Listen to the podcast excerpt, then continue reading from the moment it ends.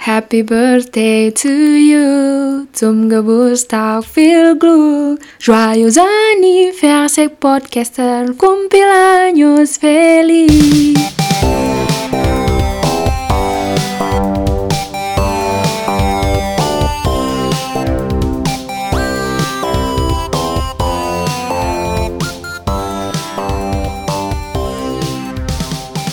Halo semuanya, selamat datang di Wintar Waktunya Berinteraksi. Wait, wait, wait, apaan sih ini? Kenapa openingnya beginian? Meriah banget soundtracknya lagi. Siapa yang ulang tahun, woi? Siapa yang ulang tahun? Jaka Sembung PDKT sama Iron Man. Gak mungkin, soalnya Iron Man punya paper pots. Apaan sih? Ulang, ulang, ulang. Jaka Sembung sahabatan sama Iron Man. Gak nyambung men, tema sama soundtracknya. Sabar Sobat Winter, sabar. Tarik napas, keluarin Jadi emang ada yang lagi berbahagia hari ini karena podcasternya tuh ulang tahun tepat tanggal 11 Maret ya. Jadi di tanggal 11 ini dirilis juga episode 11. Jadi ceritanya tanggal cantik gitu kan. Iya, bener. Iyain aja biar cepet. Terus jangan tanya yang keberapa. Pokoknya ini tanggal 11 ke sekian kalinya. Jadi jangan heran kalau soundtracknya lagu Happy Birthday dari awal sampai ending. Udah nikmatin aja ya.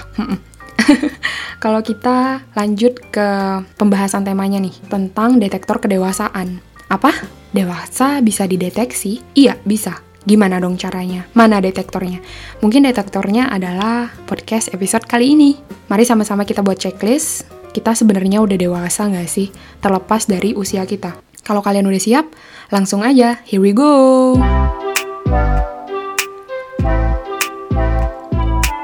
Dewasa merupakan salah satu kata yang dari dulu pas kita kecil kita idam-idamkan untuk menjadi seorang yang dewasa.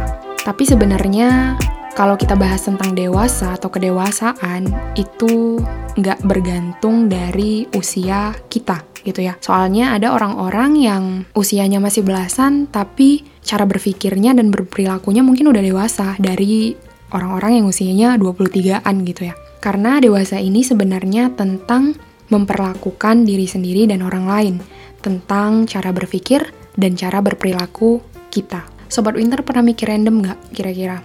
Contohnya gini, sebenarnya aku udah dewasa nggak ya? Karena kan aku ya udah 21 plus gitu ya. Jadi ya sewiso aku udah dewasa sih kayaknya.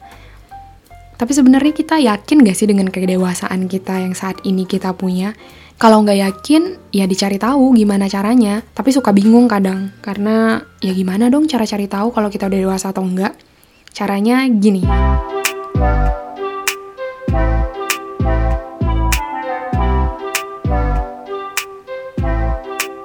Poin pertama, kita bisa tahu kalau kita dewasa atau enggak dari cara kita menghadapi masalah. Dari kita menemukan solusi dan memecahkan masalah kita sendiri. Entah itu masalah kecil atau besar, karena setiap solusi yang kita ambil dari cara berpikirnya kita, dari cara bertindaknya kita, itu akan menunjukkan bahwa kita dewasa atau enggak. Karena juga semakin banyak masalah yang datang ke hidup kita, itu akan semakin membuat kita dewasa. Pasti sering nih dengar kata-kata ini. Kalau masalah itu bisa mendewasakan kita. Tapi bener sih, that's a fact. Yang kedua, orang dewasa itu harusnya mandiri independen, dan gak bergantung sama orang lain. Ini adalah salah satu sikap yang membedakan kita dengan anak kecil ya. Di mana kita dulu selalu bergantung sama orang lain, apa-apa minta orang tua. Nah, terus pas kecil suka dilarang ini, dilarang itu, nggak bu dibolehin ini, nggak dibolehin itu, nggak diizinin mau ke sana, nggak diizinin mau kemari. Sampai akhirnya kita berpikir, kok kayaknya enak ya jadi orang dewasa, bisa marahin anak kecil, bisa ngatur-ngatur anak kecil gitu ya. Sampai akhirnya kita berpikir, oke, okay, kayaknya aku mau sih jadi orang dewasa kayaknya jadi orang dewasa itu seru. Nah, ketika dia udah dewasa nih, ketika kita udah dewasa, terus kita mikir, insecure, gile, katanya gue udah dewasa ya, udah 21 plus. Tapi masih gini-gini aja, masih ngerepotin orang tua, malah insecure, jadi beban hidup orang tua gitu ya.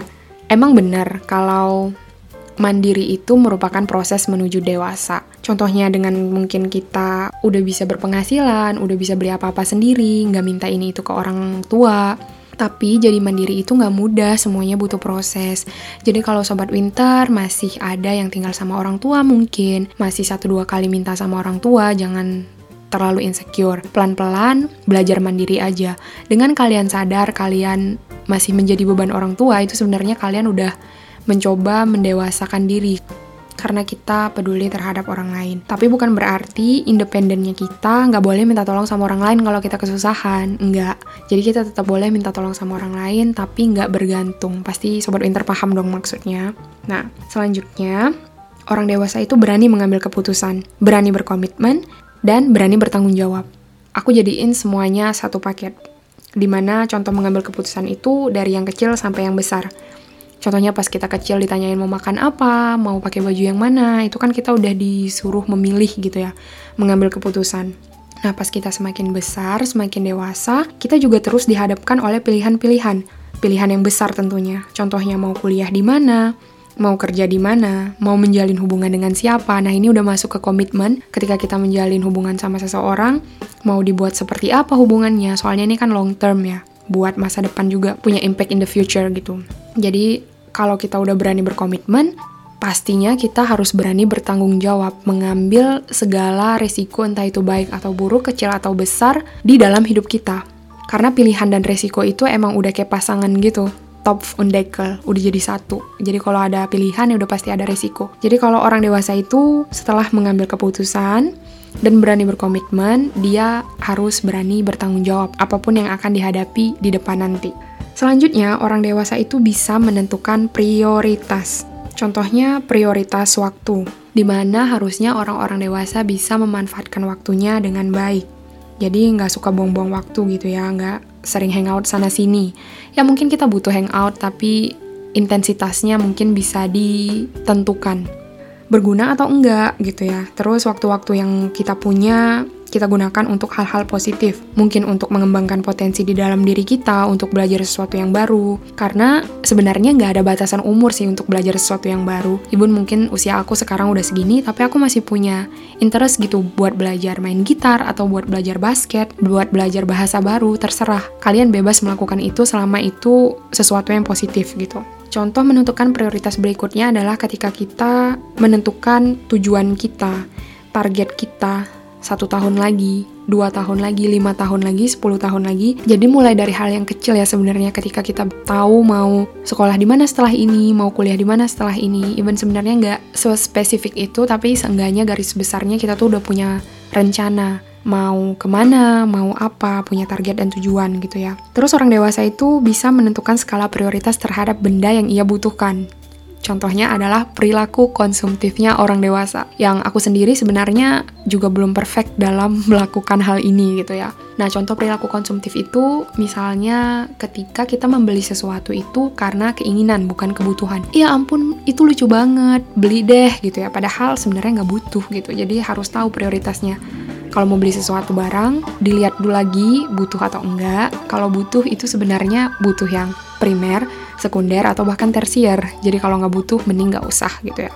Nah, prioritas berikutnya yang harus diperhatikan oleh orang dewasa adalah ketika mereka menentukan manusia-manusia yang layak berada di sekeliling mereka. Jadi kayak yang menentukan circle pertemanan kita gitu ya, bukan dalam artian memilih-milih untuk berteman, tapi emang ya harus diprioritasin aja sih. Kita kan nggak mau temenan sama orang yang banyak dampak negatifnya gitu ya. Jadi memilih orang-orang yang punya positive vibes buat masuk ke circle pertemanan kita gitu. Poin berikutnya yang bisa dijadikan sebagai detektor kedewasaan adalah orang dewasa itu punya kedewasaan emosional. Kedewasaan emosional maksudnya orang dewasa nggak boleh marah gitu. Harus bijak, dewasa. Enggak, boleh, sangat boleh orang dewasa marah. Bukannya kerjaan orang dewasa marah-marah ya? enggak, enggak gitu konsepnya. Orang dewasa itu boleh marah, boleh sedih, boleh kecewa, boleh stres, dan boleh nggak baik-baik aja. Tapi syaratnya, setelah mereka merasakan itu, mereka harus pintar move on. Artinya, mereka sadar setelahnya. Oke, sekarang kita lagi nggak baik-baik aja.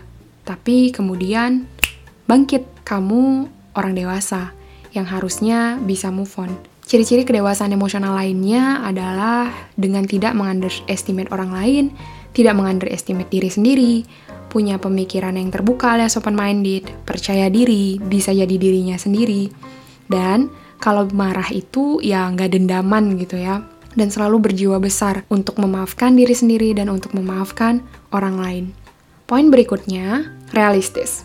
Sebagai orang dewasa, kita harus bisa realistis, being realistic di dunia tipu-tipu. Karena sadar ya, nggak semua hal itu bisa kita dapetin. Even kita udah dewasa dan punya semuanya, tapi tetap aja, manusia tuh nggak sempurna, kita tuh nggak bisa memiliki segalanya. Contohnya ketika kita udah mengeset goal yang bagus, mimpi yang tinggi, yang udah emang sesuai rencana banget gitu. Tapi tahu-tahu nggak bisa terwujud. Ada salah satu hal yang mungkin salah atau nggak klap gitu yang yang nggak sesuai dengan keinginan kita, dan gak bisa kejadian gitu. Karena di balik usaha-usaha kita ada zat yang maha kuasa kan yang menentukan jalannya hidup kita juga gitu. Contoh lainnya adalah ketika kita kehilangan orang yang kita sayang untuk selamanya. Emang itu sedih banget, tapi kita harus being realistic. Karena manusia itu yang gak abadi. Even kita sayang sama orang tersebut, tapi tetap aja dia gak bisa ada di samping kita selamanya. Contoh lain lagi, mungkin ketika kita suka sama orang lain, tapi tahu-tahu dia nggak suka sama kita. Ya, being realistic, bangkit. Kamu nggak harus sama dia. Mungkin jodoh kamu bukan dia. Mungkin bukan dia yang terbaik untuk kamu. Cari yang lain. Jadi selain realistik, kita dituntut untuk cepat tanggap ketika plan A nggak bisa pindah ke plan B gitu. Poin berikutnya, orang dewasa itu harus harus ya Aku tekankan sekali lagi di poin ini, harus peduli dan bisa menghargai orang lain. Bisa ngebantu orang lain dan peduli orang-orang yang di sekitarnya. Karena orang dewasa itu sebenarnya identik dengan egois. Contohnya, nggak usah jauh-jauh. Kita semua pasti pengen terus diperhatiin mungkin. Pengen selalu didengerin mungkin. Sampai kita lupa sama orang yang ada di sekitar kita. Orang yang dengerin kita tadi sebenarnya punya masalah juga gitu. Nggak kita aja yang punya masalah dan orang lain juga sebenarnya pengen didengerin. Jadi coba tanyain lagi sama orang yang sering dengerin curhatannya kita. Kamu baik-baik aja nggak? Kamu punya masalah nggak? Pengen cerita nggak? Pengen aku dengerin nggak masalahnya? Pengen dikasih saran nggak? Jadi mencoba peduli dan peka terhadap orang-orang yang ada di sekitar kita. Nah, Sobat Winter, poin berikutnya adalah orang-orang dewasa itu harusnya punya tata cara berkomunikasi yang baik, entah itu di real life atau di dunia maya. Yap, termasuk sopan santunnya kita, kejujurannya kita. Dan kalau di dunia maya misalnya kita nggak melakukan hal-hal yang negatif, contohnya head comment, pokoknya bijak ya dalam berkomunikasi, even cuma di dunia maya. Ada orang-orang yang emang suka nge-share kehidupan pribadinya gitu ya, private life-nya. Tapi ini balik ke pribadi masing-masing ya, mungkin emang ada orang yang enjoy, yang suka kalau private life-nya itu dikonsumsi oleh publik. Mereka nggak masalah. Nah, ada juga tipe-tipe orang yang nggak suka nge-share sesuatu yang menurut dia private dan dikonsumsi sama orang lain. Makanya aku bilang ini sesuai pribadinya masing-masing. Dan orang dewasa itu nggak boleh lupa dua kata kunci ini, yaitu selalu mengatakan tolong dan terima kasih dalam rangka menghargai orang-orang yang ada sekelilingnya gitu ya. Dan dalam berkomunikasi, orang dewasa itu harus tegas gitu ya. Tahu tempatnya kapan dia harus bilang enggak, kapan dia harus bilang iya. Jangan selalu bilang iya terus karena segan atau karena nggak enakan gitu. Kalau emang kalian harus bilang enggak, kalian nggak suka, ya coba bilang enggak gitu. Kalian orang dewasa, kalian berani dan kalian bebas berpendapat. Dan salah satu bagian terakhir dari tata cara komunikasi yang baik orang dewasa adalah menghindari kebiasaan mengumpat. Jadi kalau sesuatu terjadi dan itu nggak sesuai dengan yang kita mau, kesel terus langsung ngumpat gitu ya. Damn, I like me better when I'm with you. Oh, oh, oh, oh, oh. Woi, apaan sih kok nyanyi? Oke oke skip. tadi kita sampai mana? Ya maksudnya kan tadi rencananya mau ngumpat, tapi ya, ya jangan ngumpat gitu nggak boleh, jangan sering-sering. Itu nggak baik gitu ya. jadi makanya tadi aku plesetin jadi nyanyi. Apaan sih nggak lucu nggak lucu? Serius? Oke selanjutnya orang dewasa itu bisa menerima kritik dan saran. Karena udah bisa berpikiran terbuka dan gak marah-marah gitu kalau nerima kritik. Nggak emosian ya woi apaan lu ngeritik-ngeritik gue emang lu lebih hebat dari gue nggak gitu konsepnya bang. Bambang namanya. Karena saran dari orang lain itu biasanya bisa membangun gitu ya. Jadi kalau dikritik terima dikasih saran terima. Jangan batu banget gitu. Poin terakhir orang dewasa itu boleh bersikap konyol we konyol, nggak dewasa banget sih. Ya karena orang dewasa itu juga manusia, mereka nggak sempurna. Mereka bisa aja serius, bisa aja bijak, bisa aja konyol juga, bisa bercanda. Soalnya orang dewasa itu nggak harus kaku dan terus-terusan berpikiran bijak kan.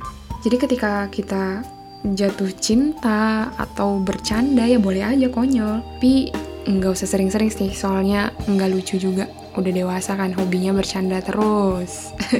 nah, poin terakhir yang aku bilang tadi emang beneran poin terakhir, Sobat Winter. Emang banyak banget sih. Kalau boleh aku ulangi lagi dari awal, untuk menjadi orang dewasa itu yang pertama kita harus bisa menghadapi masalah, harus mandiri, independen, dan nggak bergantung sama orang lain, berani mengambil keputusan, berani berkomitmen, dan berani bertanggung jawab, bisa menentukan prioritas, punya kedewasaan emosional, realistis, peduli dan menghargai orang lain, bisa membantu orang lain, peduli akan sekitar, punya tata cara berkomunikasi yang baik, bisa menerima kritik dan saran, dan yang terakhir, boleh bersikap konyol. Jadi, dari ke-10 poin yang aku sebutin tadi, kira-kira kedetek berapa di Sobat Winter? Banyak nggak? Gimana-gimana hasilnya? Sebenarnya Sobat Winter udah dewasa belum? nah, kalau hasilnya ternyata Sobat Winter udah dewasa, aku ucapin selamat menjadi orang dewasa dan selamat datang dan bertahan hidup di dunia tipu-tipu. Terus sebar kebaikan, dan buat Sobat Winter yang ternyata belum begitu dewasa, ya nggak masalah, semangat terus belajarnya untuk menjadi dewasa. Karena dewasa itu adalah bagian dari proses kehidupan kita. Jadi nikmati dan jalani hidup kamu semangat terus. Makasih loh Sobat Winter udah ngasih hadiah ultah yang manis buat aku. Hah, apaan? Dengan kalian mendengarkan episode ini sampai habis, itu merupakan salah satu hadiah di hari bahagia aku. Makasih ya sekali lagi. Dan ini merupakan ending dari episode 11 di tanggal 11 hari ini. Sampai ketemu di episode berikutnya. Bye Sobat Winter!